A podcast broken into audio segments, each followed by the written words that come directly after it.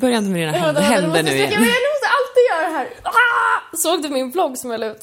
Nej, Nej, eller vilken där, av där dem? sitter jag, vi, sitter, vi poddar ju. Ja men den såg jag i, fan i, jag och Andrea kollade på den förrgår. Ja, I sängen. vi sitter och viftar. Mm. Och Andrea bara, men du kan ju engelska. Jag bara, jag sa typ en mening. Jaha, så att han också kollar? Ja men jag låg i sängen och kollade. Jaha. Och sen så, så han bara, där är ju du! Varför, varför pratar hon engelska för? Jag bara, ja Alltså men, värsta såhär, varför då? ja, men bara, är hon inte svensk? Jag bara, jo men hon är, har mycket engelska följare. Ja, ja precis. Aha. Fattar ingenting. För att jag tycker att jag är så jävla ball när Ja, jag pratar men det är det. engelska. That's Eller de så här youtubers som kör så här, uh, vad heter det, svengelska. Hej allihopa, I'm so fierce today. Åh men gud, nej. Alltså Åh, det är nej. typ det mitt det värsta. Don't Alltså. get me started. Jag ska... Alltså okej att man kan så här lägga in ett ord lite här krish liksom, så här, it's on flake you know. Ja. Men inte bara, alltså idag äter jag makaroner och korv stroganoff. Man bara okej. Ska vi köra eller? Ja, har du satt på eller? Ja, jag är redo. Jag är redo. Ja, Ja, men jag nu kör jag. på Jag vet, det är jag som ska börja. Ja. Okej, håll käften. Nu Ja. kör jag. Okej.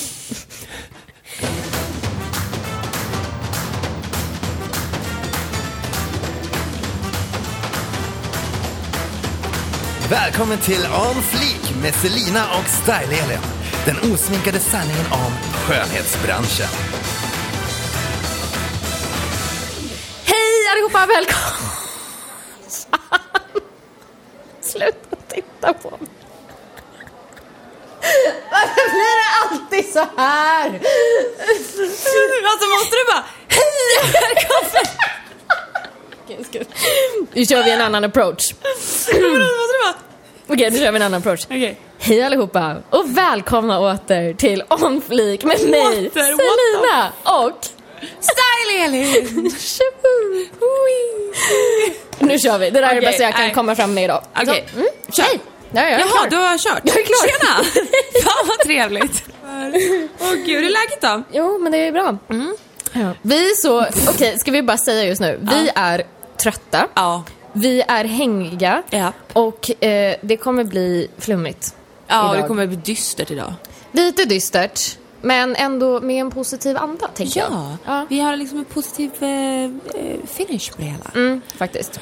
Nej men både jag och Selina känner idag att, eh, alltså jag kom osminkad, Selina precis vaknat typ. Vi känner bara, vi vill typ mysa. Alltså det är lite kul för när jag kollar på typ, typ youtubers som poddar, eller folk som poddar. Då har ju de antingen typ så här mysiga små rum de sitter i. Typ. Jag var och gästade en podd här om veckan och då var det Våldgästen. våldgästa. Jag gästade en podd, på en annan podd. Och då eh, var det typ värsta så här, studion, så att de satte upp massa så här, eh, mysiga fåtöljer med fina så här, blommor och ljus och jag bara cozy. Och så tänkte jag bara så här, varför kan inte vi också ha så här mys? Men vadå, vi har väl asmysigt? Jag tände ju ljus för några gånger sedan. Ja, några gånger. Vad Ska jag tända ett ljus? Vill du ha ett ljus? Ja, jag vill ha ett ljus. Okej, ska vi tända ett ljus? Ja, vi jag går och hämtar ett ljus. ljus. Prata på du. Ja. Det jag skulle komma fram till var att när alla andra poddar så ska det vara så lugnt och skönt och mysigt, man ska ha en så här mysig stund. Men det känns som att vi bara hetsar. Känns det bättre nu med ljuset här i mitten? Ja, gud, jag känner mig som värme inombords nu. Blev det bättre nu? Det blev bättre. Bra. Jag, jag vill att du ska vara nöjd och glad. Ja, nej men tack. Jag känner mig så nöjd. Bra. Jag sitter och knaprar på en uh, lussebulle i alla Mm, fall. ja, faktiskt. Det är jättemysigt. men bara att de tappar ju saffranet utanför, för det var fan inte i bullen. Är du en sån där som plockar ut russinen? Ja, Jag med. ligger där. Ja, jag vet. Är du jag, såg det. Jag bara... Nej men det värsta är på, i personalrummet nu, för nu kommer ju alla och köper lussebullar, pepparkakor. Mm. Så kommer någon jävla kioskmongo med såna här lussebullar med så här russin i degen. Inbakade russin. Jag bara, är du Nej. Mm. helt efterbliven? Kan du, kö- köp vanliga. Om du ska köpa. Mm. Jag vet, jag är så här, ibland om jag råkar få i mig ett russin, då är det bara att så här, bita ihop och köra. Liksom. Ja men jag spottar inte ut Nej, jag spottar inte ut. Men Men jag får kvällningar typ. ja, lite. Det blir bara fel. Och sen står jag typ med så här naglarna och typ så här hackar som en sån här hackspett i den för att typ ta det godaste och slippa russinen. Jag gjorde faktiskt lite så här. Jag tycker ju att chai-te hör ju liksom vintern till. Så jag har faktiskt chai-te här, men nu har jag druckit upp det. Men det, grön chai-te, det är sjukt gott. Det smakar verkligen jul. Mm. Chai latte är åt också. Mm. Kaffemanin. Jajamensan. Mm. Hör du? Vad har du för veckans on fleek? Ja, nu ni. Håll i, nej jag skojar. Det är, eh, som ni som kanske följer mig på alla sociala medier vet att eh, jag är någon slags inredningsmani just nu. Och vi har ju pratat att den här säsongen skulle ju få handla om min soffa. Nu har ju inte den fått så mycket plats i den här podden hittills. Men det kan ju vara för att jag inte flyttat in. Jag har inte Nej. sett den. Nej. Nej. Så det kanske får bli 2018s wingman liksom. Mm. Nej, men hur som. Om ni har eh, sett på sociala medier så är det så att det figurerar ju platsbyggda bokhyllor överallt. Ja, På sociala är det inte... medier. Nu har jag sett, eh, vad är det, Therese Lindgren Therese som Lindgren, håller på med en eh, Hannelicious, Annika, Jaha, eh, sen var det någon mer, kommer inte ihåg. Men det är flera och det är en och samma designer som heter Louise som gör de här tillsammans med ett byggbolag. Okej. Och det bör, jag tror att det började med Hanna eh, som gjorde den här platsbygg och det är så fint. Jag ser den här platsbyggda, eller inte garderoben, platsbyggda bokhyllan som någon slags så här mani. Jaha. Det här är Instagrams nya Men det är en trend. trend. Ja. Och såklart att jag inte skulle vara sen på bollen. Ja, okej, ja, ja. Eh, nej, men sen så är det som att alla de här lägenheterna egentligen som de har gjort är lite äldre. Jag vet att Therese lägenhet kanske inte är sekelskifte. Men det är lite äldre lägenheter. Jag och min fiancé har ju liksom köpt mer en nyproduktionslägenhet, alltså en ny lägenhet. Och jag satt och googlade och bara, hur fan inreder man? Det är som här, alltså hur fan inreder man en, en, liksom en nyproduktionslägenhet till lite mys? Så här. Bam! Du menar alla tv-spel och växter överallt? Ja. Du har, faktiskt, jag har sagt det flera gånger, du har väldigt mysigt. Men det är lite soffans förtjänst också. Soffan är magisk. Ja. Och vår soffa är ju ett skepp. Så jag hoppas att den kommer skapa nyhetsfaktor. Men det jag skulle komma fram till i alla fall, att jag ska fan också ha en sån här bokhylla. Men, det ska vi, jag har alltså kontaktat Louise och frågat om, hon, eh, om jag kan anlita henne. Det här är inget sponsrat, utan jag ja. själv betalar för detta. Ehm, och om jag vill göra det. Och jag vill ju göra det i vardagsrummet. Vi har ju liksom öppen planlöst så egentligen kan man göra både i köksdelen och eh, vardagsrummet för det är en för stor lägenhet. Och sen så vill jag att hon ska hjälpa mig att inreda mitt kontor. Ja, men vadå, ska du alltså ha en platsbyggd då typ bokhylla där? Eller? Nej. Nej. Det var tanken först, men det är som att det är så litet och ska man göra en plastbyggd bokhylla så kan man ju tänka att de är kanske 40-60 breda. I alla fall 40. Eh, eller vad är de där? Kan de vara 40? Ingen aning. Nej men de brukar alltid vara 40 eller 60. Och då blir det så komprimerat, det blir så litet. Så det hade ju varit na- mer naturligt om det var i vardagsrummet där det är stort liksom, för det är så öppet. Nej, och då tänkte jag så jag har ju googlat på så sjukt mycket alltså kontorsinspiration och det här skandinaviska vanliga kontoret. Jag vill inte. Jag bara köpte en eh, typ, typ som en platsbyggd bokhylla fast med boxar som du liksom fixar själv på Bolia. Där kunde man liksom välja vilka boxar man skulle ha och sätta ihop dem. Så jag köpte den faktiskt som jag hade tänkt innan. Men så pratade jag med Louise och hon tänkte att hon ska hjälpa mig med det här. Jag tänkte försöka få på ett riktigt pimpat kontor med typ heltäckningsmatta och göra det riktigt cozy. För jag tänkte också med heltäckningsmatta är ju bra i och med vi spelar ju in video. Så slipper man ljudet liksom. Gud ja. Mm. Grymt. Eh, så mitt flik är Louise den här eh, veckan. För att jag, jag ska träffa henne precis typ några dagar efter jag flyttat in. Eh, och hon, hon är ju inte en sån här inredare, bara ha en blomma där, det är fint. Utan hon är mer så här eh, stuckaturer eller mer bygge. Liksom. Sen kan hon komma med förslag. Men, eh, så jag är sjukt taggad på det och det jag egentligen mest vill flika är att man tar hjälp av kreativa människor. Alltså, Verkligen. vi kan ju googla mycket men alla lägenheter och alla stilar är ju så otroligt personliga. Alltså bokhyllan som du har där, Mm. Det är ju en, jag har ju köpt en IKEA, liksom, alltså man köper bitar. Sen har jag ju designat den där själv. Jo, men det är precis det jag har gjort på Bolia. Alltså där de, de gjorde det åt mig, jag är inte lika kreativ som dig. Men det är precis så där ungefär det ser ut. Vi kan ju förklara, alltså det är som, som lådor. Så att, och så är de olika färg, olika storlekar, några har skåp, några har inte skåp och så kan man liksom sätta ihop som ett litet pussel. Så att min bokhylla blir liksom som att den följer formen lite på liksom väggen och soffan och sen har jag satt in då som den här lampan som, det blir som en del av bokhyllan fast den sitter i väggen och sen de här tavlorna är ju liksom att det, allting sitter ihop liksom. Det är faktiskt sjukt fint. Det är jätte, jättefint är det. Och eh, i den här bokhyllorna så sätter de ju ofta typ spottar och grejer. Så det, alltså jag är jätte... Det enda som är, det är damm, dammrisken. att ut malt, dammsuga, torka, in malt. Ja. Kind of. Jag Ja. gillar inte, men jag tror jag bara har fyra öppna. Sen har jag olika typer av eh, skåp. För jag tänkte jag skulle få plats med, de öppna kommer egentligen bara vara för pärmar och sånt. Och de skåpen tänker jag kameror och allting sånt. Så att jag får bort allting. Fast på ett snyggt sätt på väggen. Ja. Men jag ska se om Louise kan försöka få in den för jag älskar verkligen den hyllan eller vad man ska säga som jag har köpt.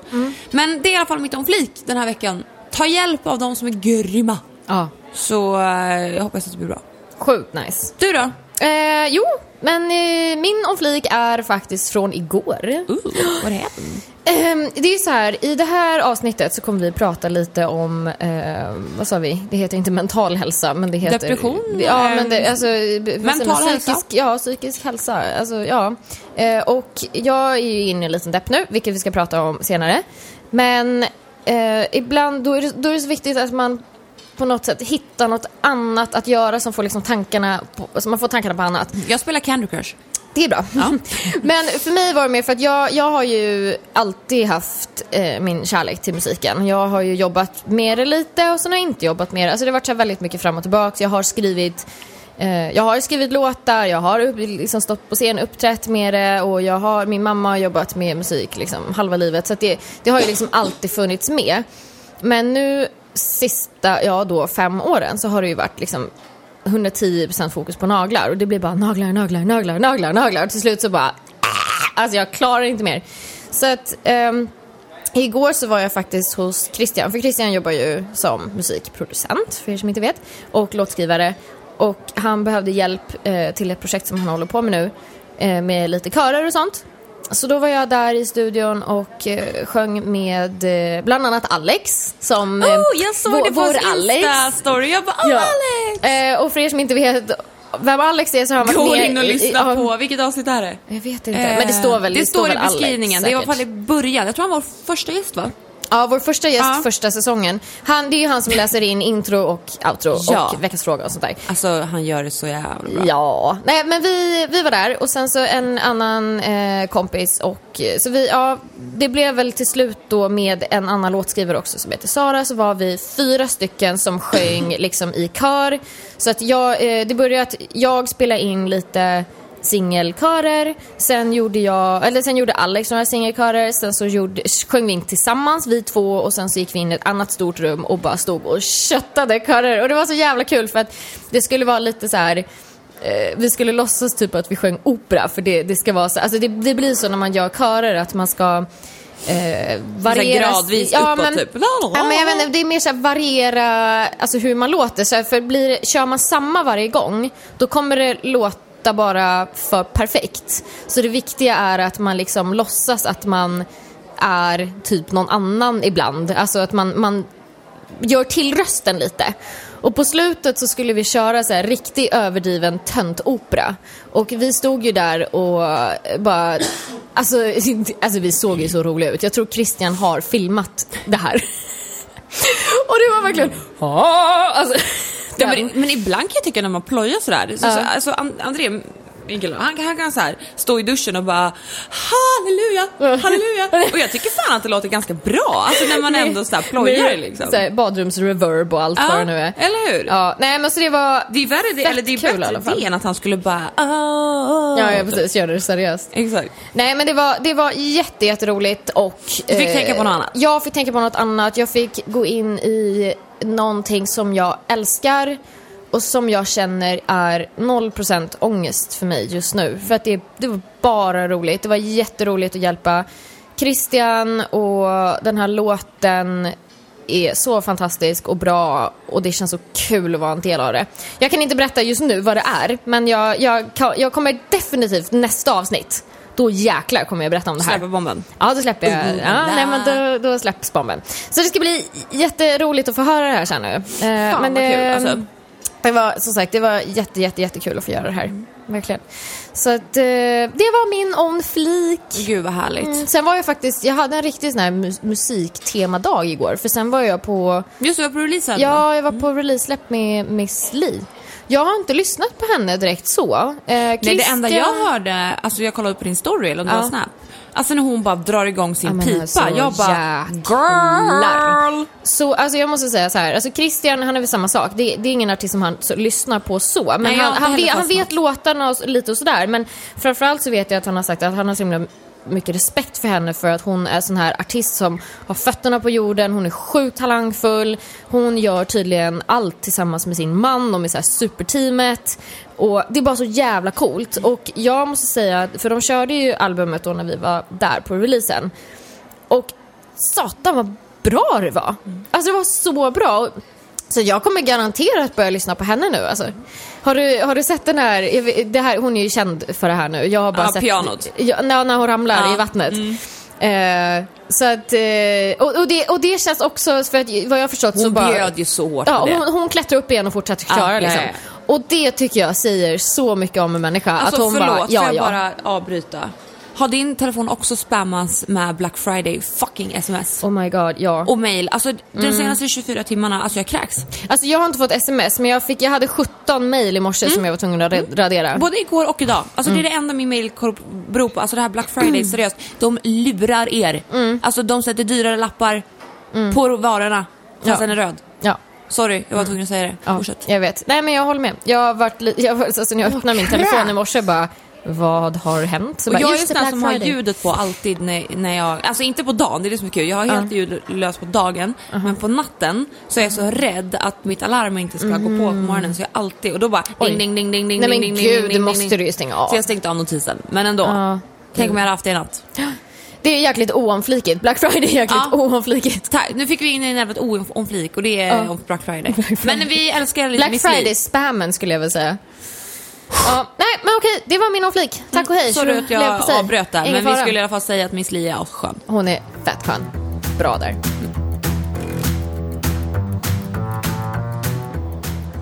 Då hörni, så ska vi gå in på ett eh, fantastiskt uppmuntrande ämne.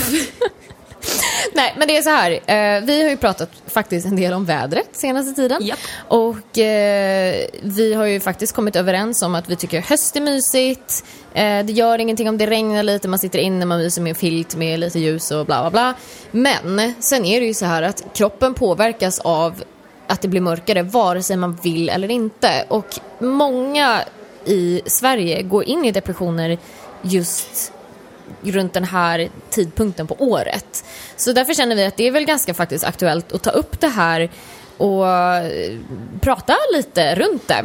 Och framförallt också eftersom att jag känner att jag är nere i en lite deppig period. Du är väl nere också i en lite Ja, deppig jag känner period. också, jag gick ut med det, eller jag sa det på bloggen för någon Ja. vecka sedan och bara Nej, det är något liksom. Ja, så att eh, jag tänker så här. Ska vi bara börja med att reda ut vad en depression är? Ja, Ska du kanske jag. börja det? Vi har nämligen letat upp en massa roliga, eller det är verkligen Roliga, inte roliga, inte. men listor, bra listor på så här. Vi ska eh, först bena ut vad är en depression? För det kan vara lätt att misstolka det som att det skulle faktiskt kunna vara någonting annat så att man vet vad det är. Sen har vi faktiskt ett test eh, snabbtest. Det finns ju väldigt avancerade tester på nätet, sen finns det de här som är lite lättare. Så vi tar ju då såklart den här lite lättare, går lite snabbare och så kan vi liksom ta lite pulsen på vart ni är någonstans och eh, sen självklart, hur tar man sig ur det här? Men jag har eh, här en ganska bra sammanfattning. I, nu är det så här, i och med att jag, när jag var 17 så gick jag igenom den svåraste depressionen någonsin i mitt liv. Och jag är ju Eh, väldigt ny på det här, eller ny ska man Ja. säga, det är väl med att jag typ kommit på det. Och det som vi pratade lite om innan, men vad är det? För jag bara, men gud, jag vet, alltså jag vet inte riktigt vad en depression är. Alltså, är det tillstånd, är det en sjukdom, är det, vad är det för någonting? Så vi reder ut det bara så att vi har koll Precis. först. Och även jag får lite mer koll. Ja, då, får då ska jag berätta för dig Berätta här nu för då. mig. Jag ska berätta för dig. Eh, det är så här, det är, eh, det är jättevanligt. Alltså det, man ska säga det är den vanligaste folksjukdomen i Sverige, eller i världen typ. Eh, men ja, i Sverige i alla fall. Och så läste jag två, tre självmord Ja. är beroende på depression. Ja, precis. Det är väldigt vanligt med självmord. Så det är viktigt att man tar tag i det direkt såklart. Eh, men sen är det så här, det är viktigt att skilja på depression och mer då, som det står här, tillfälliga eller övergående tillstånd. Till exempel Eh, din hund dog. Ja, såklart ska du, eller ska du, du kommer bli deprimerad. Eller inte deprimerad, du kommer bli nedstämd, du kommer bli ledsen. Men det är ju inget konstigt att du blir det. Det är inte så, men det blir, det blir en övergående fas. Eh, förhoppningsvis så kommer det här såret läka ut, du kommer tänka på de fina minnena. Det är, alltså det är en Vi går förlust. igenom vissa traumatiska saker i livet Ja. och det är klart att nedstämdhet och att man reagerar på det är en följd av det. Det vore ju konstigt annars. Precis. Sen är det ju så att ibland så kan ju traumatiska händelser trigga en depression. Men som sagt, då, då vet man ju det mer senare. Första stadiet handlar inte om att man är i en depression. Man har hamnat i någon tillstånd. Alltså det, det är en förändrad situation i kroppen. Och det är hormonellt och då, det är mentalt och det är, liksom, det är en, en obalans. Liksom. Saker och ting händer ju då i hjärnan. Och det handlar ju om att till exempel då det här signalämnet serotonin påverkar då eh, de områden i hjärnan som styr stämningsläge och våra känslor. Och eh, det blandas också in då med oro, irrit irritabel... Man är irriterad, jag kan inte säga. och förmågan att tänka. Ehm, och då finns det då till exempel antidepressiva då och då eh, lägger man liksom in extra av det här serotoninet för att liksom kroppen ska kunna styra det här själv. Men det Så har ju lite med ångest också, för då, om man har ångest och sådana grejer så saknar ju hjärnan just det här ämnet. Ja, det behöver inte sakna, men Eller, man nej, har en det lägre nivå. Ja, exakt. Man har lägre nivå. Ja, Mm. så att eh, det, man, kan, man kan ju då rätta till det här med läkemedel och det tycker inte jag, det är inget liksom Det är inget beroendeframkallande vad jag vet. Jo, jo Eller absolut. det? Det? Det, finns sådana som är beroendeframkallande och det finns sådana som inte är det. Jag har tagit sådana som inte är det, men jag kan prata om det sen. Mm. Ehm, sen finns det ett annat eh, ämne som heter noradrenalin och dopamin. Och är de i obalans så blir symptomen minskad energi och intresse och svårighet att komma igång med saker. Man kan säga att drivkraften är helt enkelt borta.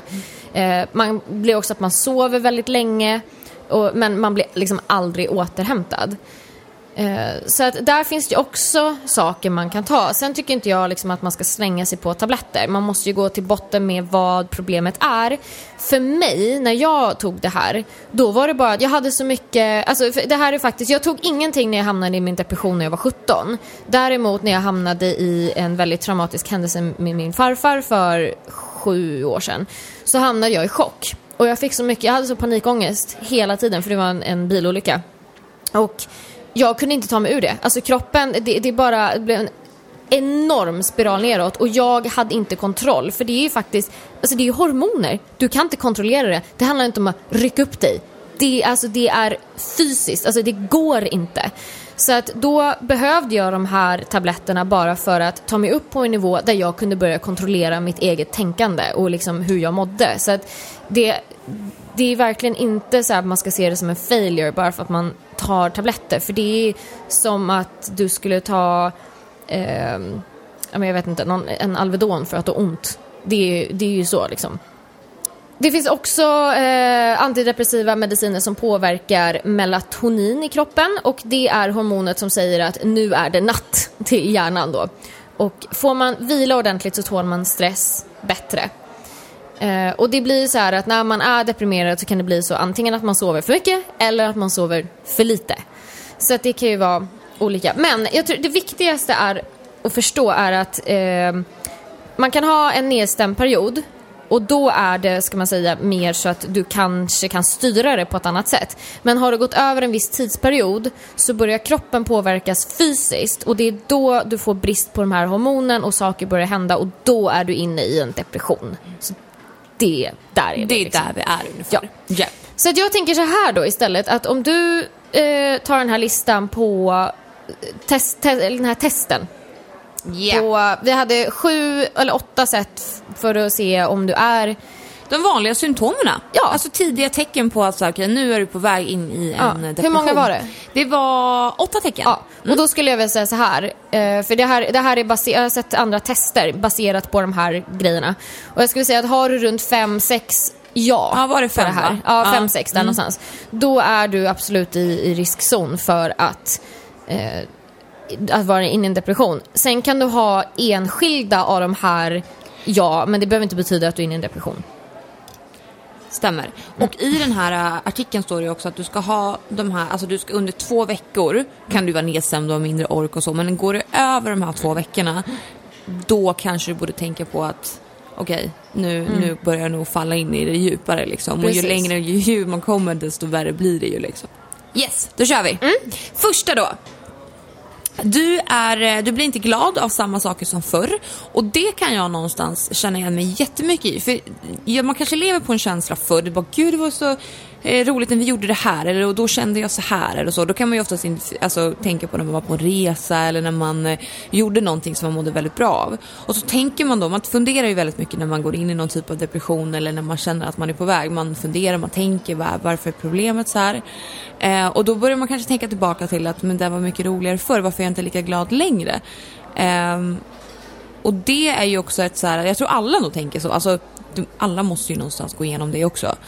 Men enligt den här listan så är det i alla fall att eh, saker och ting du alltid tyckte var roligt förr är inte alls kul överhuvudtaget. Och det, där känner jag ju igen mig nu. För att, som jag sa då, att jag fick göra den här musikgrejen. Att bara bryta av från något annat. För det har blivit så, det, det blir så mycket naglar för mig. Och då sitta och göra kunder dag in och dag ut. Jag menar, Okej, det är ju ganska självklart att det blir inte kul efter ett tag. Men när man känner liksom att inspirationen och glädjen bara... Åh, och det, jag, kan, jag kan förklara det som att det är som att man har en... eh, en, ett genomskinligt svart skynke för sig, eller framför sig, som gör liksom att allt man tittar på blir bara blö. Alltså jag vet, jag vet ju innerst inne att jag tycker att det här är kul. Men jag kommer inte igenom det här svarta skynket för det lägger sig överallt som en svart lit, ja, men det är samma liksom. sak typ om, om, så jag känt senaste veckan. Det här med man bara så här, gud, ska, åh, ska vi äta den här middagen? Jag bara, "Ugh." Mm. Ja men det här då? Det tycker du om? Ja, man blir likgiltig Ja exakt, man blir för det likgiltig mesta. för, allt typ. Och bara Ja. så här, åh, ska vi, ska vi bara sätta oss typ med popcorn och kolla på den här filmen som du vill se? Mm. Men gud vad jobbigt. Alltså, det, man blir väldigt så här, man, Ja. för allt, precis som du säger, det blir ett svart genomskinligt skynke så fort det är någonting så bara, Men då kan jag jämföra som till exempel nu, för att i och med att jag har varit i en sån djup depression tidigare så kan jag också ha, jag har lite re- referenser för att jämföra. Eh, så kanske är viktigt för ni som lyssnar att höra på också att till exempel nu, då vet jag att det här är någonting som kommer gå över. Det är en väldigt lättare depression och det har att göra med min eh, kroniska värk som jag har haft väldigt länge nu. Eh, men om jag, som jag säger nu då, att nu känner jag det som ett svart genomskinligt skynke som ligger på saker. När jag var som i djupaste depressionen, då var det som att jag stod i ett svart rum med en svart betongdörr framför mig. Med ett litet, litet, litet, litet kikhål ut på världen. Så att det här svarta skynket, när man märker att det börjar liksom bli mörkare och mörkare och mörkare, då får man nog börja liksom reagera lite. Än så länge för mig så är det genomskinligt och det är ju ett bra tecken. absolut. Ja. Nästa punkt är att man blir lätt irriterad. Ja. Och jag menar, det, det kan ju, alltså vi som kvinnor kan ju ha lite olika sätt att se på det här. För vi, vi lider ju av typ PMS och vi lider av allt möjligt som har med, käns- allt med känslomässigt att göra. Byter man p-piller eller preventivmedel så kan ju det reagera. Vi reagerar ju på väldigt mycket vi tjejer. Och vi är ju väldigt duktiga på att eh, tänka att vi reagerar på det också. Killar kan ju vara och lever man till exempel med en kille så har inte de samma typ av feeling och rätt timing känner jag riktigt ibland. Ehm, men den där tycker jag är svår för att lättirriterad kan ju alla bli i olika situationer och i olika liksom, jag menar man är ju mer lättirriterad på en fredag eftermiddag än vad du är på en tisdag morgon.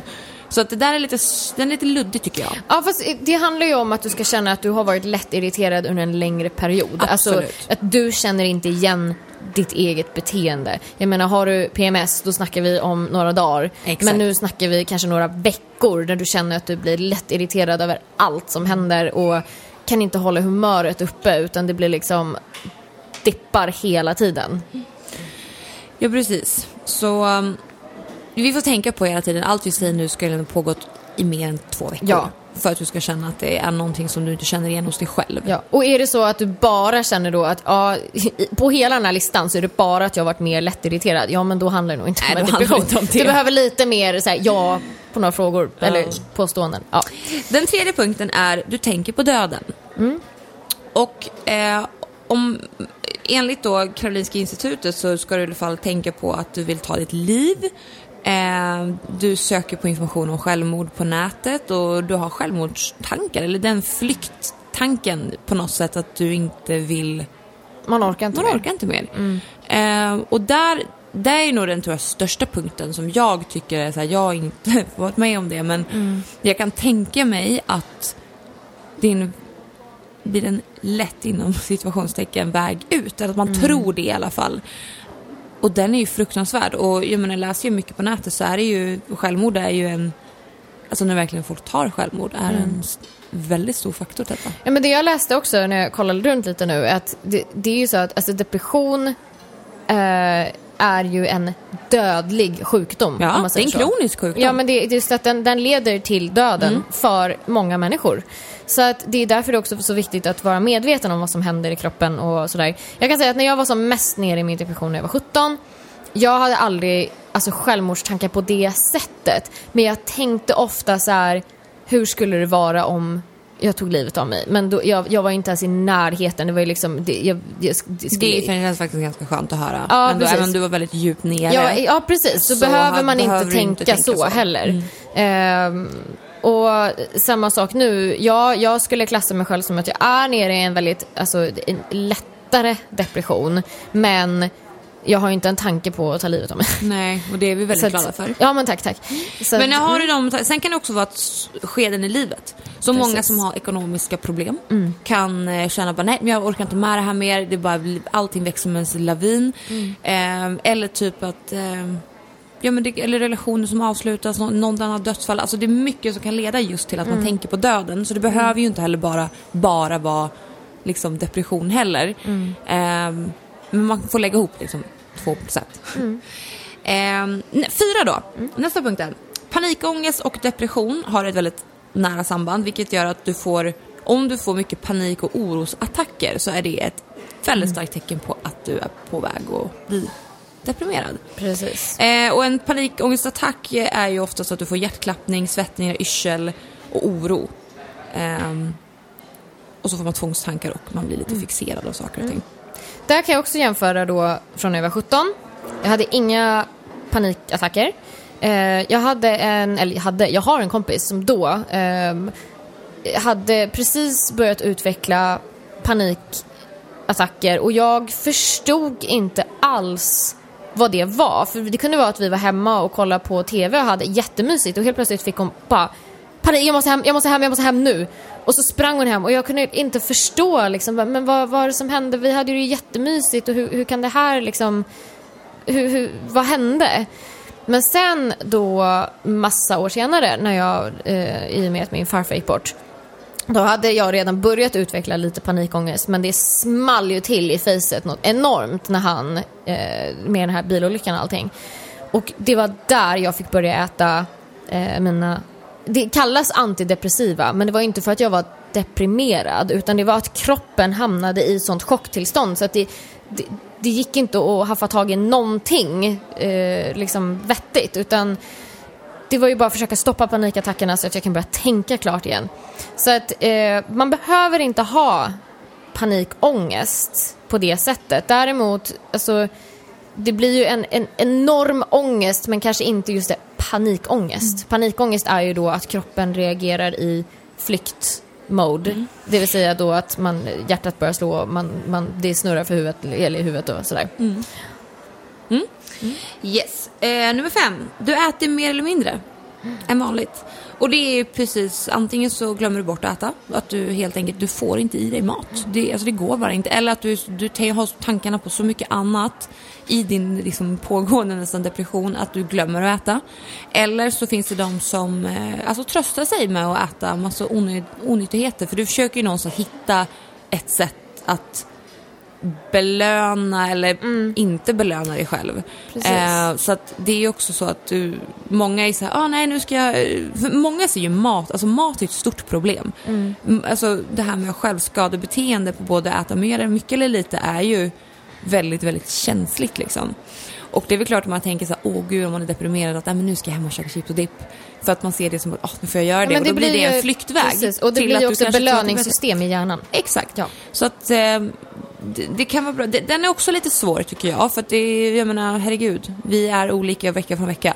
Ehm, men det är bra att ha den i Ja. åtanke tycker jag. Och fra, jag, kan, jag märker ju nu på mig, det, det här har vi pratat om eh, senaste tiden, Eh, att jag har jättesvårt att äta just nu. Jag kan nästan inte äta alls. Och jag är hungrig. Jag är så hungrig och jag vill äta, men så tar jag tre tuggor och sen så är det som att jag det, magen bara snurp och så kan jag inte äta mer för att jag, jag mår så illa. Alltså det, går, det tar stopp i halsen, alltså det växer i munnen och jag fysiskt kan jag inte få i mig för jag skulle bara spy upp allting igen. Det är som att kroppen bara stöter bort maten. Men så där är jag när jag är nervös.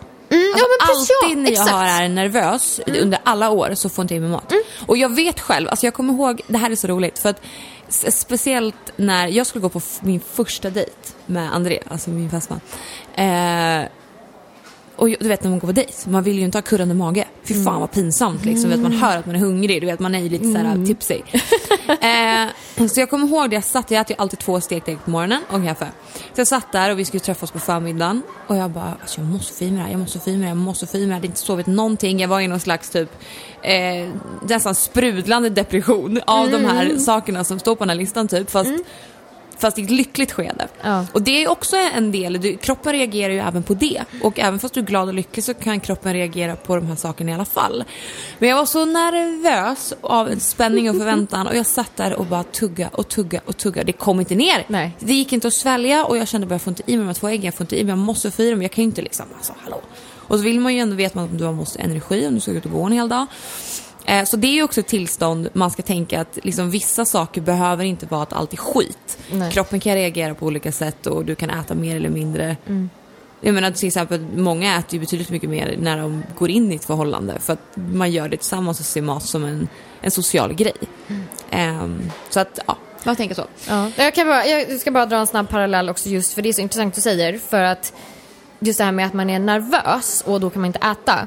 Och då kan jag bara backa till exempel när jag, eh, när jag höll på med gymnastik. Och så var vi iväg och tävla. Och det är jätteviktigt som gymnast att äta. Du måste ju ha i dig energin för att kunna köra en bra tävling. Liksom. Men jag, på tävlingsdagar, jag åt ingenting. För att na- magen snurpar ihop sig och det är ju kroppens signal. Alltså det är det här Eh, som att, ja, men nu, nu är vi tillbaka på grottåldern, höll jag på att säga.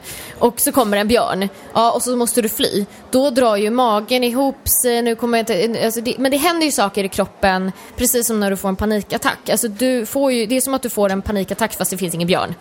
Eh, och magen drar ihop sig för att det, någonting med att musklerna drar ihop sig för att ja, vara redo för att fly.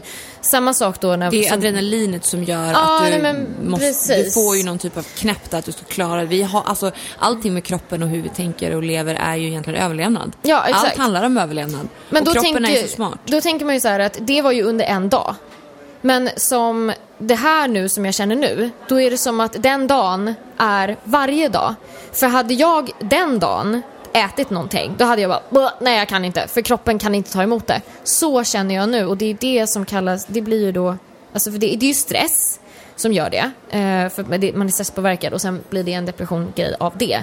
Så att eh, som sagt, det, det är så intressant att säga just det med när, att det är som att när man är nervös, att det går bara inte att få ner Men mat. det gick inte. Nej. Det, sådär är jag ibland om jag ska...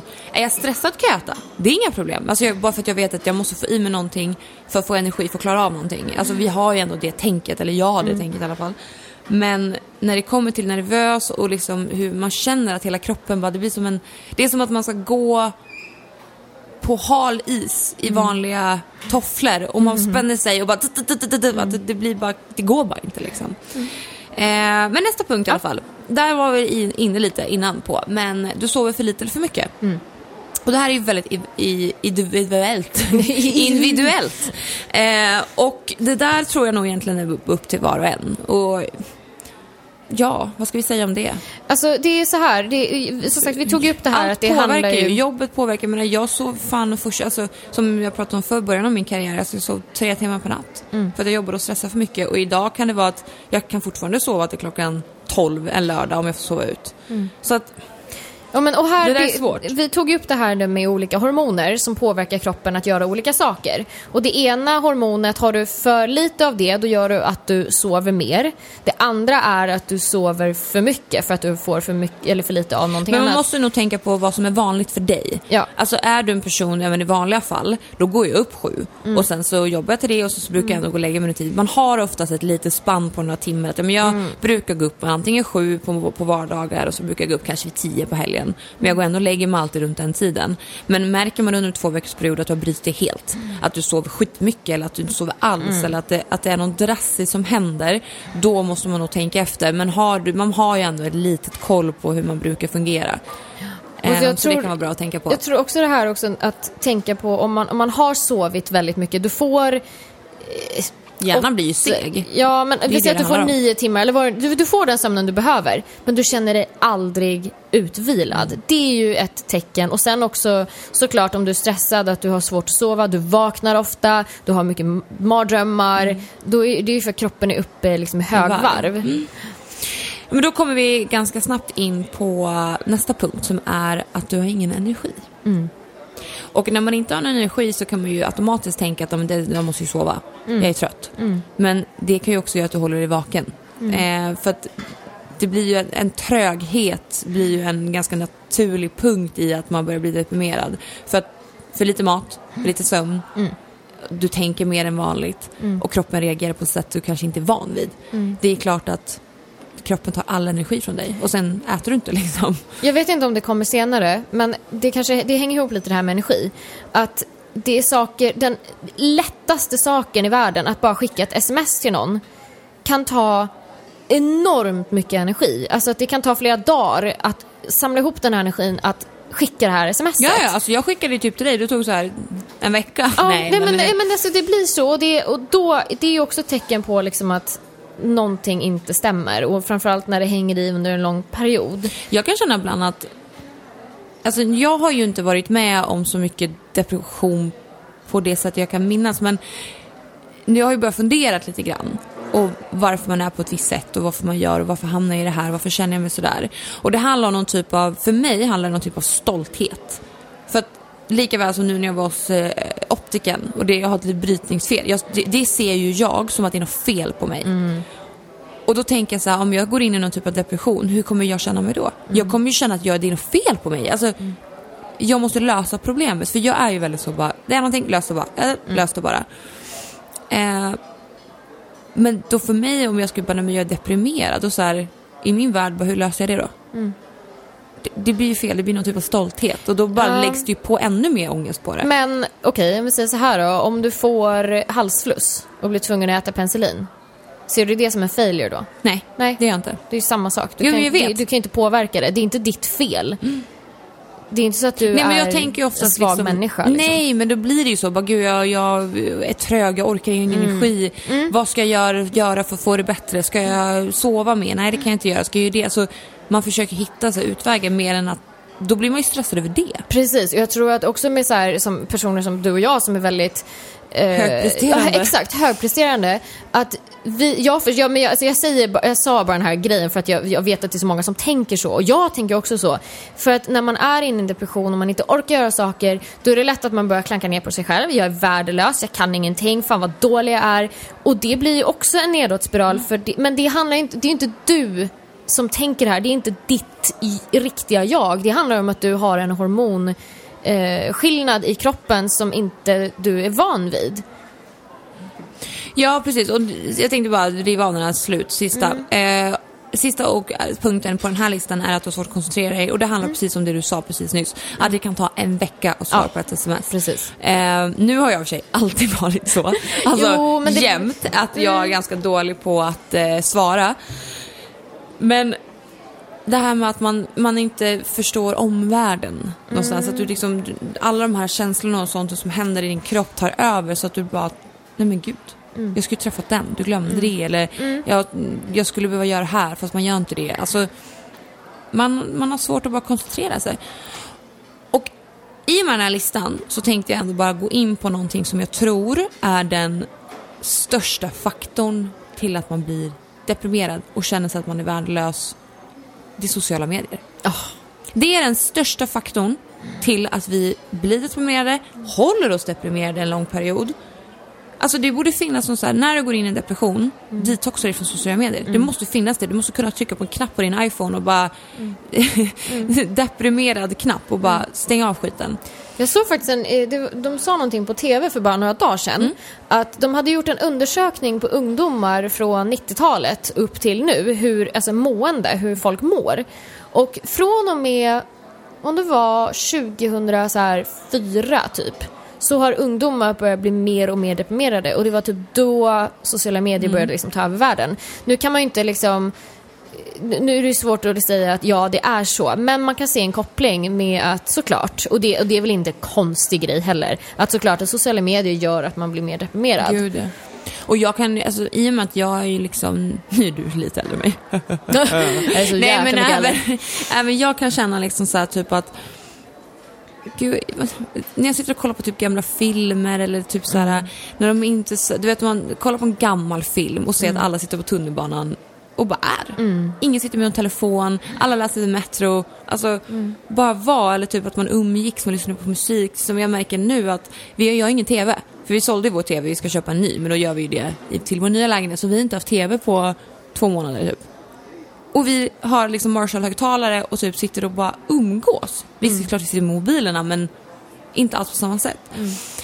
Och jag märker det själv, speciellt jag som lever i en bloggvärld, alltså socialt så har det till mitt jobb och då blir det ju automatiskt att jag kollar privat mm. också såklart. Att man, eller jag känner bara, men gud jag skulle också ha ork och lust att göra de här sakerna. Gud vad kul att springa på det där hela tiden mm. eller um, och även fast jag har möjlighet, jag får samma inbjudan som dem, men jag vill inte. Mm. Och någonstans måste har jag försöka tänka i mitt huvud att jag är inte en sån person bara för att du är en bloggare så ska du inte tycka att middagar på Berns varje kväll är kul. Mm. Bara för att alla andra gör det. Alltså, vi, alltså att man är olika och du kan inte jämföra. Alltså, vi jämför oss så mycket med alla. Och det är en annan faktor just till depression. Ja, men att man ska jämföra sig. Jämföra sig. Och det är vi och det, kvinnor extremt duktiga på. Gud ja, och det var därför liksom jag tog upp det här just, prata om det här med sociala medier. För att det är en sån jag tror att det, det, är, eller det är den största faktorn ja, till att absolut. vi blir det. Och jag vet inte hur vi ska göra för att liksom bli av med det. Hur gör vi? Hur gör vi?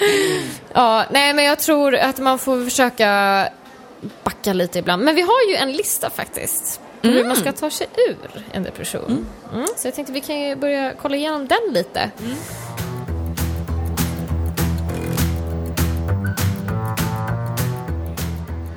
Så, då har jag en lista här nu då på nio tips för att ta dig upp ur en depression. Uh, och nummer ett är fysisk aktivitet. Och uh, det är ju en sån här klassisk grej. Det är faktiskt så att du får ju, vad är det då, serotonin-kick blir det då kanske. Ja, du får, du får en kick, eh, hormonkick av att träna. Och det mår du bra av. Så att träna hjälper faktiskt. Men sen är det ju då att ja, du ska or också orka ta dig dit. Eh, så det beror ju på hur långt ner du är i depressionen. Som för mitt fall då, eh, när jag fick mina panikångestattacker, då behövde jag hjälp med antidepressiva för att ta mig till en normal nivå och kunna hantera mig själv. Och därifrån så kan man ju liksom gå in och börja träna. Så att man får ju se liksom var någonstans man är i sin depression såklart. Absolut. Eh, två, jobba. Eh, och det står då att du hjälper dig själv så mycket mer om du inte isolerar dig själv och blir passiv. Annars blir, blir man ju såklart ännu mer nedstämd. Och du bara tänker dig själv, liksom, sitta hemma i soffan och stirra ut genom fönstret när det regnar och ha på någon sorglig musik. Alltså det gör ju bara saken värre. Så att försök att göra saker även om det känns jobbigt. Och var medveten om att det är en sjukdom. Alltså det är som att du har fått halsfluss. Mm och du, du liksom, blamea inte dig själv utan försök bara så här, okej, okay, det är så här det är. Det är hormonellt. Jag måste försöka hjälpa mig själv på något sätt. Eh, nummer tre, ta en sak i taget. Och det är jätteviktigt. Eh, skriv listor. För det är så jäkla bra att du liksom, du har en lista och så, det, det här har jag gjort senaste tiden. Eh, för att har man allt i huvudet, då blir man, då mår man ännu sämre för man vet att det är en klump med saker men benar du ut det så är det lättare att se. Och när du bockar av saker som du gjort på din lista. Så det, det Som är befrielse. Ett, ja, men det är ett belöningssystem. Det är precis som att du äter godis eller att du tränar eller vad det kan vara. Så det kan ju vara ett bra en bra, ett bra första steg istället för att gå iväg och träna. Att göra en lista. Och det kan vara de, vara de mest banala sakerna. Gå upp på morgonen. Bock. Yes, jag klarar det. Nummer två. Gör en kopp te. Ja, jag klarar det. Gå och duscha. Yes. Och så bockar du av minsta lilla skitgrej. Men det gäller ju att hitta ett belöningssystem som passar dig. Ja. Det är ju det egentligen det det handlar om. Och jag tror att just som du säger, skriva listor, eh, skriva typ, det går att göra notiser på telefonen och bara Fan bra du duschade! Ja. Typ, alltså det går, det går att vara så på ett töntiga sätt få sig själv och bara Sen är det så, man är i en depression eller man är någon typ av nedstämdhet då söker man väldigt mycket bekräftelse. Och den bästa bekräftelsen man kan få är ju egentligen från dig själv. Ja, visst. Så därför med listor och eh, som du säger, chilla ner. Det är bäst. Nummer fyra, umgås med husdjur. Oh, thank Eh, God Lord! Eh, ja, för att eh, det står så här. Djur har förmåga att få oss människor att må bättre. Eh, de kan ju dock inte bota en depression, men det kan vara liksom, det, det är ju en hjälp på vägen och man kan lindra symptom. Och det är så här, eh, det är också, det är också en visa, studier då, eller många studier visar på det här att du frigör ju också de här eh, hormonerna, samma som när du tränar, du gör listor och bockar av. När du, när du myser med djur, eller umgås med djur, så får du samma eh, belöningsgrej i kroppen och det gör att du mår bättre. Jag till exempel, jag var ute och, nu ska vi se om det var igår eller förr, igår. ja skitsamma, jag, var, jag var, hade en så här hel mysdag med Martin, alltså min hund då. Och eh, pratade med min pappa på morgonen och var ganska nere och liksom, uh, känns liksom, bara, nej det känns inget bra. Men sen har jag varit ute med Marre och det hade snö, att det var så alltså, sjukt mycket snö. Han älskar snö och vi var... Det var samma dag, vi var också ute med Ja, skitlänge. alltså, så, och du vet, han är, han är så glad när det är snö. Och vi var på en djurbutik och köpte en ny tröja till honom som han i och för sig hatar. Men han glömde bort den sen när han fick se att det var mycket snö. Och så köpte vi lite godis och vi var på ett hundcafé och verkligen körde så här mattedag. Och sen när jag kom hem så pratade jag med, eh, med pappa igen. Han bara, men du låter ju mycket gladare nu. Jag bara, ja för att Martin är glad. Och då blir jag jätteglad. Och jag har liksom haft världens mysigaste dag med honom. Så att det funkar faktiskt. Eh, nummer sex, sömn. Nej jag bara skojar, vi hoppade över den. Lyssna på rätt musik och det är jätteviktigt. Ja. Musik påverkar en så mycket. Så lyssna på peppig musik. Jag kommer ihåg då när jag var 17, jag var tillsammans med min kille då, som också var jättedeprimerad. Vi drog ner varandra något enormt. Och han hade ju en spellista med deppmusik. Och jag lyssnade på det här också. Och du vet, jag kunde bara ligga och lyssna på den här musiken och bara gråta ihjäl mig. För att den drog ner mig djupare. Och det är så jäkla dumt. Man vill göra det på något konstigt sätt, men gör det inte. Sätt på fan eh, Celebrate Good Times typ. Nej, men jag, lyssnar typ, jag lyssnar typ på dansband. Ja, ja. Alltså jag är så här Lasse Stefansson tour typ. För det är bara så här, det går inte att vara sur och ledsen när man lyssnar på dansband. Nej, eller slagers eller... Musik påverkar kroppen Jag brukar, jättemycket. ett tips som jag brukar tänka på, även när jag känner själv på morgonen. Jag, alltså det är så kul med musik, för jag lyssnar på olika låtar under dagen. För att på morgonen kan jag lyssna på mer liksom så här, ja men lite peppande, glatt, eh, typ så här Pharrell's Happy. Alltså du vet lite så här klingande typ. Sen på dagen så kan jag lyssna på lite mer typ hiphop och liksom bara, ah men det är nice liksom. På kvällen kan jag sätta på julmusik. Alltså det är så sjukt hur, och då har jag tänkt på att jag skulle komma fram till var musik som du kan relatera till en stund som var nice, som du var Positiv, glad. ja. Men hela min uppväxt har kantats till dansband. För mamma, min storasyrra och jag kommer från Gävle. Det har varit så sjukt mycket dansband. Mm. Och alla mina minnen av min barndom är ju helt fantastiskt och vissa ställen som de här låtarna har spelats. Och varje gång jag sätter på det så tänker jag bara, bara shit, gud vad kul vi hade då. Ja men vi var där på den festen och pappa buggade där. Du vet, så här. Då, då blir man bara glad. Alltså, ja, Okej, men då har jag ett konkret tips. Var Om- inte det här ett konkret Jo, jo nej, men alltså verkligen. Gör en spellista som du döper till typ Good Times eller pepplistan. Ja. Eller någonting. Om du har Spotify eller vad du nu kan Men då göra blir lista. det mer tillgängligt, det är lättare att bara slänga Ja, på men precis. Men, och samla på låtar som du vet att du... Det, det är en sån jäkla pepplåt Mm. liksom. Och så fyller du på den listan efterhand. Och så drar du på den här när du känner att så här, även om det är så här, det är så jäkla olägligt just nu att dra på Celebrate Good Times när du ligger och gråter typ. Men bara gör det. Och sen d- låter den här listan gå och, fyll, och som sagt, fyll på den efterhand. Det tror jag är riktigt nice.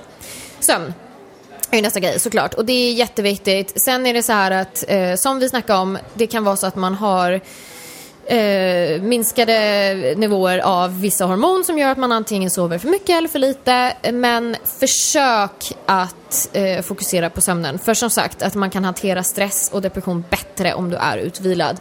Men... Eh, Men ställ klockan, så du inte sover för länge. Jaha, precis. Nej, för så, så man för länge så kan man också bli deprimerad. Alltså att man får för mycket sömn. Det är faktiskt jätteviktigt. Mm. Eh, har man svårt att somna, ta, om du kan ta ett bad eller duscha innan du går och lägger dig bra. Eh, lyssna på lite soft musik. Men det finns ju hur många listor som helst Alltså det här. som sagt, i och med att inte vi har någon TV, måste tipsa om.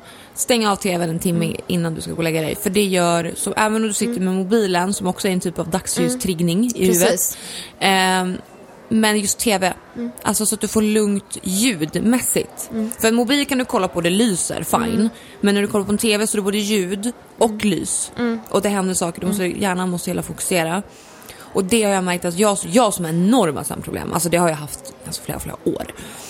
Känner sån skillnad på att stänga av TVn en, två timmar innan du ska gå och lägga dig. Och bara vara tyst. Ja, Christian berättade faktiskt, han hade hört på någonting, för han, han, han spelade in poddar och då var det någon så här hälsopoddgrej som hade pratat om just depression, och, eller nedstämdhet och att eh, det tar 20 minuter för hjärnan efter att man stängt mobilen eller tv eller vad det nu är, för hjärnan att koppla av så att man är liksom nere i varv så att du kan sova. Så 20 minuter efter att du har stängt mobilen, då börjar nedräkningen. Så att det är ganska lång tid. Eh, sju, kost. Här kommer det också upp igen. Dopamin och serotonin är två ämnen i hjärnan som styr vårt välbefinnande. Och eh, då är det då nyttig och näringsrik mat stärker en kropp. Eh, och det finns då olika faktiskt, eh, eller det finns mat som höjer dopamin och serotoninnivån i hjärnan. Och då finns det banan, nötter, ägg och tomat faktiskt. Så det är lite coolt. Eh, men som sagt, sen kan det ju vara då att man hamnar i ett sånt state där man faktiskt inte kan äta och då, som jag nu då, och då får man försöka göra så gott man kan. Men det gör ju klart att man blir segare i kroppen om man inte äter. 8. Rensa bort måsten. Och då står det så här. Har du aktiviteter i ditt liv som du inte tycker om eller som du känner dig påtvingad av, an- eller att du känner påtvingat av andra. ehm, och det kan leda till ångest. Så försök att sortera bort så mycket i ditt liv eh, som, av de aktiviteter som du känner att du inte är bekväm med. Eh, så, men sen får man också tänka på att är man deprimerad så kan ju vissa, så kan allt kännas som måsten. Men man måste försöka rensa lite i sig själv. Vad, vad är jobbigt i mitt liv? Ta bort det då. Om det går. Försök att ta bort det.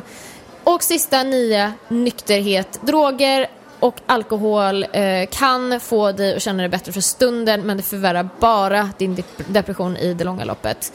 Eh, det står att droger och alkohol ger också mycket ångest och sänker må bra-hormonet i hjärnan. Så att det är som att du äter eh, socker och så får du världens kick och sen får du en ännu djupare low. Och sen så måste du ha mer socker för att komma upp till samma nivå och sen får du en ännu djupare low. Och det är precis på samma sätt som det funkar med ja, droger och alkohol. Men jag tänker så här, vi jobbar ju med ett yrke, där, ett socialt yrke. Eh, eller en bransch, olika branscher. Och eh, vi ska vara glada, positiva, vi ska ta hand om människor.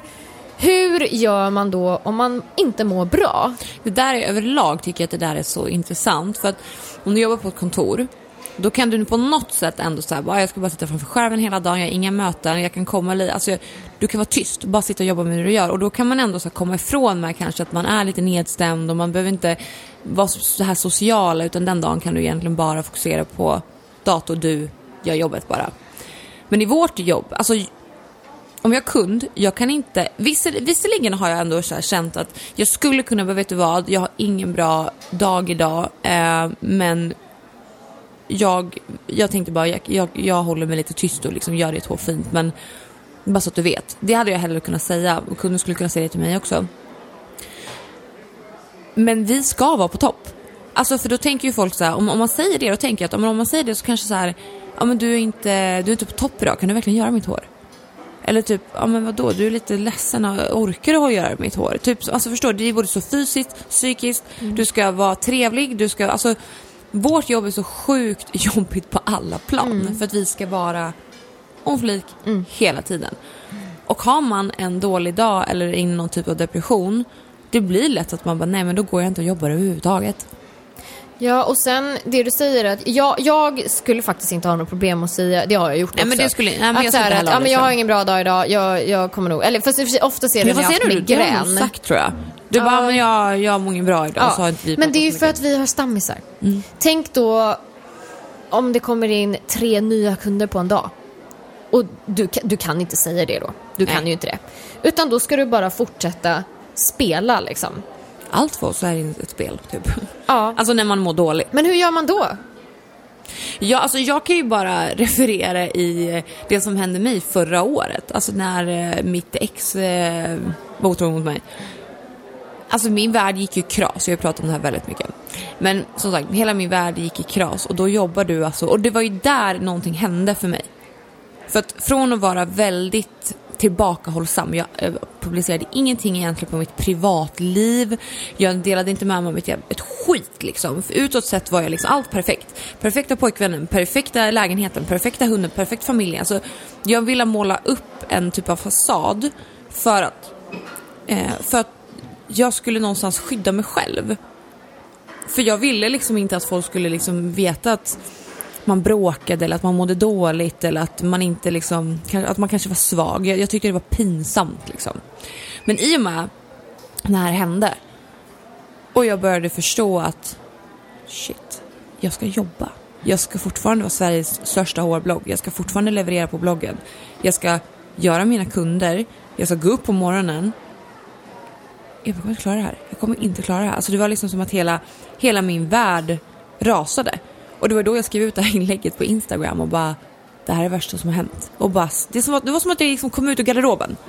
Jag, alltså jag, det, var, det var någonting inom mig som bara, ja, jag måste ut med det. Det, det, det, var, det var den sjukaste känslan. Och det var när jag satt, för pappa hade varit och hämtat mig här i Stockholm, skjutsade hem mig till Gävle, packade ut mina saker. Och bara, det, det satt i bilen och bara, det här måste, jag, jag, inte för att jag ville få ut det för att liksom skada någon egentligen. Det var bara, det var någonting i mig som bara, ut, skrev ut det. Och fick den största lovebomben som finns liksom. Och så en enormt stöd. Men det var fortfarande så här, hur fan ska jag klara av att jobba? Eh, och när man är egenföretagare, det, fin- jag kan inte ringa till mig själv. Jag menar, jag är min egen chef. Bara, tja Elin, eh, jag är deppig.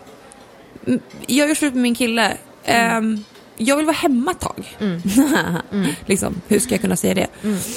Eh, så att jag bara, hur fan ska jag lösa det här? Så jag tänkte att det var ju mycket praktiskt för mig då liksom. Men jag bokade av två veckor tror jag. Alltså boka av allt. Alltså jag bara, nej, två veckor måste jag för jag var tvungen att hitta någonstans att bo. Så det, för mig var det mycket praktiskt vilket höll mig ändå pigg i huvudet. För att jag var tvungen att fixa min livssituation. Alltså jag har ett jobb att sköta, jag har allting här i Stockholm, jag måste, jag måste ha ett boende och det fick ju mig att liksom hålla igång huvudet. Men det som hjälpte mig någonstans var ju att jobba. Alltså på något sätt. För jag var hemma två veckor men då hade jag ju så otroligt mycket med allting annat att göra. Jag, hade, alltså jag la ju av allt. Alltså jag bloggade inte, jag gjorde ingenting. Liksom, jag skrev typ något på Instagram typ för att hålla det liksom uppe men jag var helt borta. Eh, men sen så tänkte jag bara nej. Då sa jag så här till mig själv att jag får, jag måste ha ett brytdatum. Att till exempel då 12 maj. Då måste jag, jag måste gå och jobba då. Jag måste ta en dusch, sminka på mig och gå och jobba. Jag får grina och vara helt arg och ledsen fram till 12 maj. Men det är då. Då räcker det liksom. I min huvud skulle jag vara så. Jag får sörja men sen måste jag liksom, the life goes on. Och det är ju jättelätt att säga. Men jag bara, jag måste intala mitt huvud att jag måste ha ett datum.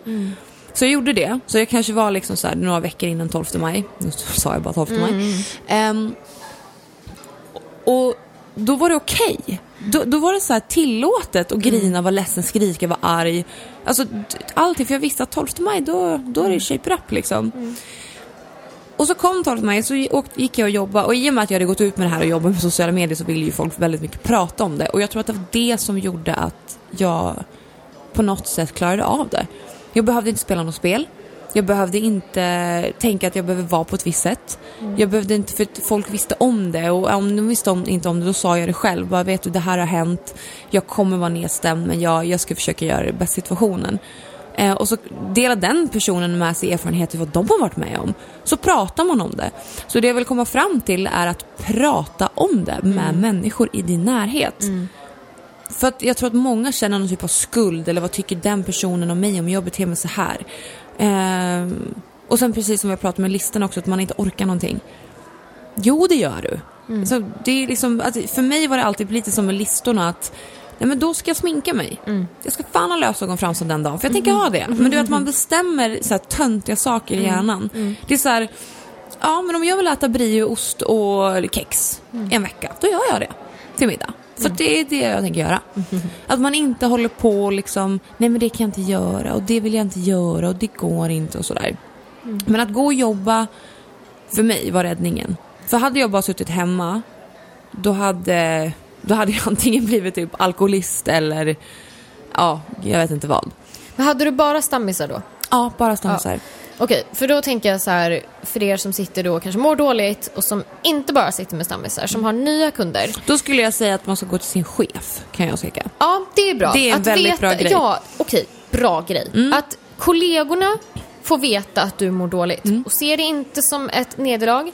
För det hjälper dig, för då behöver inte du spela ett spel. Nej, du för de, ju- men personen i din närhet kan ju också hjälpa. Om, om du säger att det är en arbetsgrupp på tio personer så har du en chef. Om de här tio personerna får reda på att det har hänt en sak i ditt liv, precis som mina kollegor fick reda på, mina kunder genom sociala medier.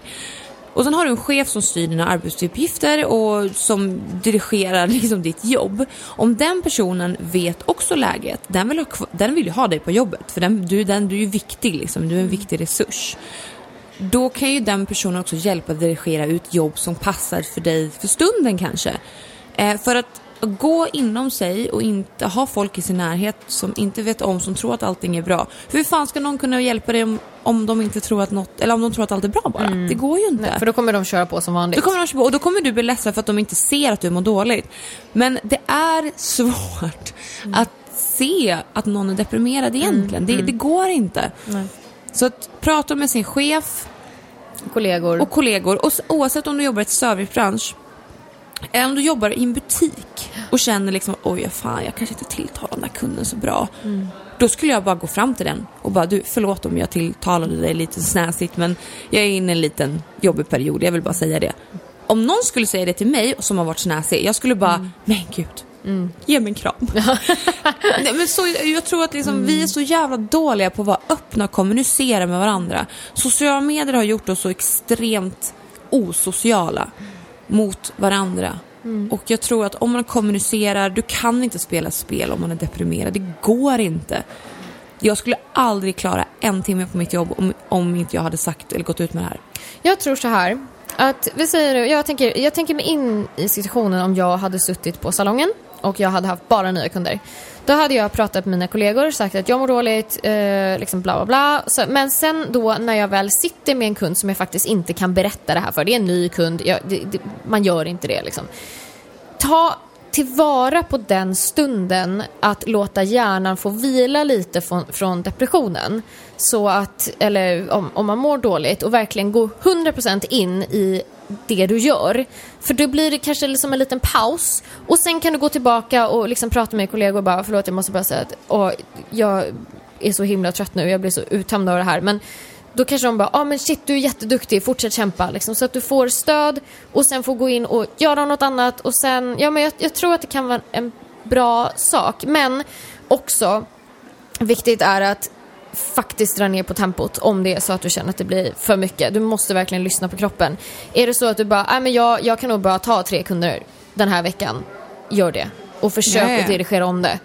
Eh, för det är jätteviktigt att man inte bara kör över sig själv. Nej, och sen är det också viktigt, även fast du inte ska köra av- över dig själv, så är det viktigt att inte heller fly. Nej, precis. För att jag märkte det då när det hände mig att jag bara, nej jag pallar inte, nu går jag. Alltså det var nästan så att jag kunde typ, du vet, och, och i och med att man är lite, alltså man, man, nu var ju jag med om en traumatisk händelse, vilket har andra effekter också. Eh, mer än att jag typ så här kände knappt att jag kände några känslor typ. det var nästan så att jag bara, ja, alltså jag går. Ja. Jag skiter jag behöver inte ens avboka det för jag går. Ja. Du får komma hit om du vill. Alltså du vet man blir knäpp, du blir liksom att du inte har några känslor. Du, Mm. du, du bara, du är i någon slags bubbla. bubbla i dig själv som inte går att hantera. Men problemet med mig var att man kom ju på det sen. Man kanske låg hemma och kollade på en serie och bara shit, fan håller jag på med? Det är inte jag. Nej. Så här. Och då får man ångest över det. Eh, men i och med allt som har hänt och i och med att det som har blivit idag så har jag lärt mig så sjukt mycket om mig själv. Alltså, Det finns ingen som kan klandra dig för att du säger bara jag är deprimerad. Nej. Eller jag mår inte bra. Eller typ bara, kan inte vi bara vara tysta typ nu för jag känner bara Mm. att jag inte är på topp men jag vill vara här och göra dina naglar eller sånt där. Alltså jag tycker inte att det är fel. Nej. Alltså jag gör inte det.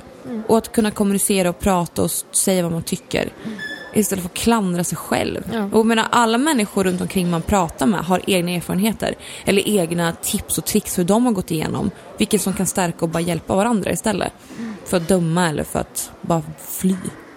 Alltså jag tror att sammanfattningen av det här är att i första hand förstå att det är en sjukdom och det inte är att du är Dålig. dålig utan det är hormoner som du har brist på. Det, det är ja, brist i kroppen, det är obalans i kroppen precis som att du hade fått halsfluss eller en förkylning eller vad det nu kan vara. Liksom, se det mer som att så här, Se på en temporärt tillstånd ja, på något eller annat vänster. Och sen Ehm, självklart eh, känner man att man behöver sök hjälp. Alltså gå Ja, till läkaren och självklart. bara berätta, jag mår skitdåligt, jag behöver hjälp. Och ta det därifrån. Men, och liksom vänta Men inte för lite länge. Mm. också bryta lite mönster. Att försöka på något sätt så här, ah, men jag tar den här vägen istället för den här vägen. Eller för, alltså försöka hålla upp i hjärnan med någonting annat Mm. under tiden, även om det är jättesvårt. Man vill ju bara ligga och käka popcorn och Ja. kolla på Sex and the City typ. Ja.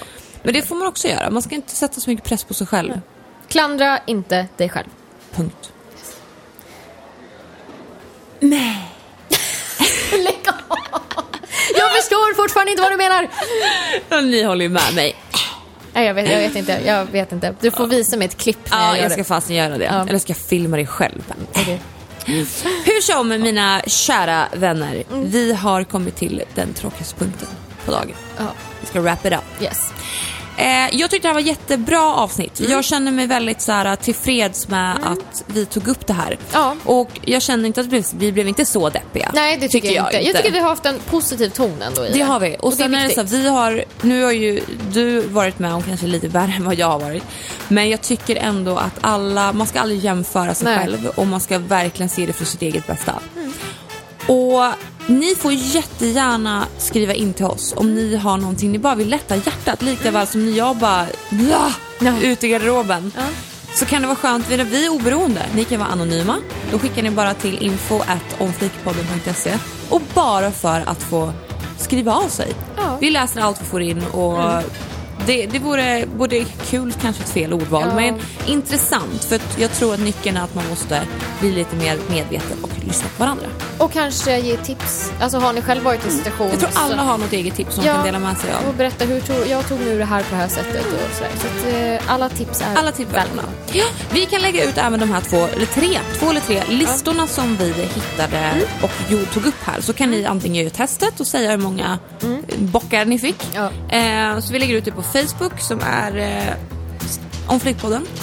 Med Elin, nej vad fan är det? Jag Mm. Ja, bort det det, går, det går faktiskt att söka Ja. på om Flikpodden på Facebook också och Ja. det är samma sak på Instagram. Ja, Instagram om Flickpodden och Facebook. Ja. Så kan ni göra testet. Tusen tack för att ni har lyssnat den här veckan hörni. Ta hand om er. Ta hand om er. Puss och kram!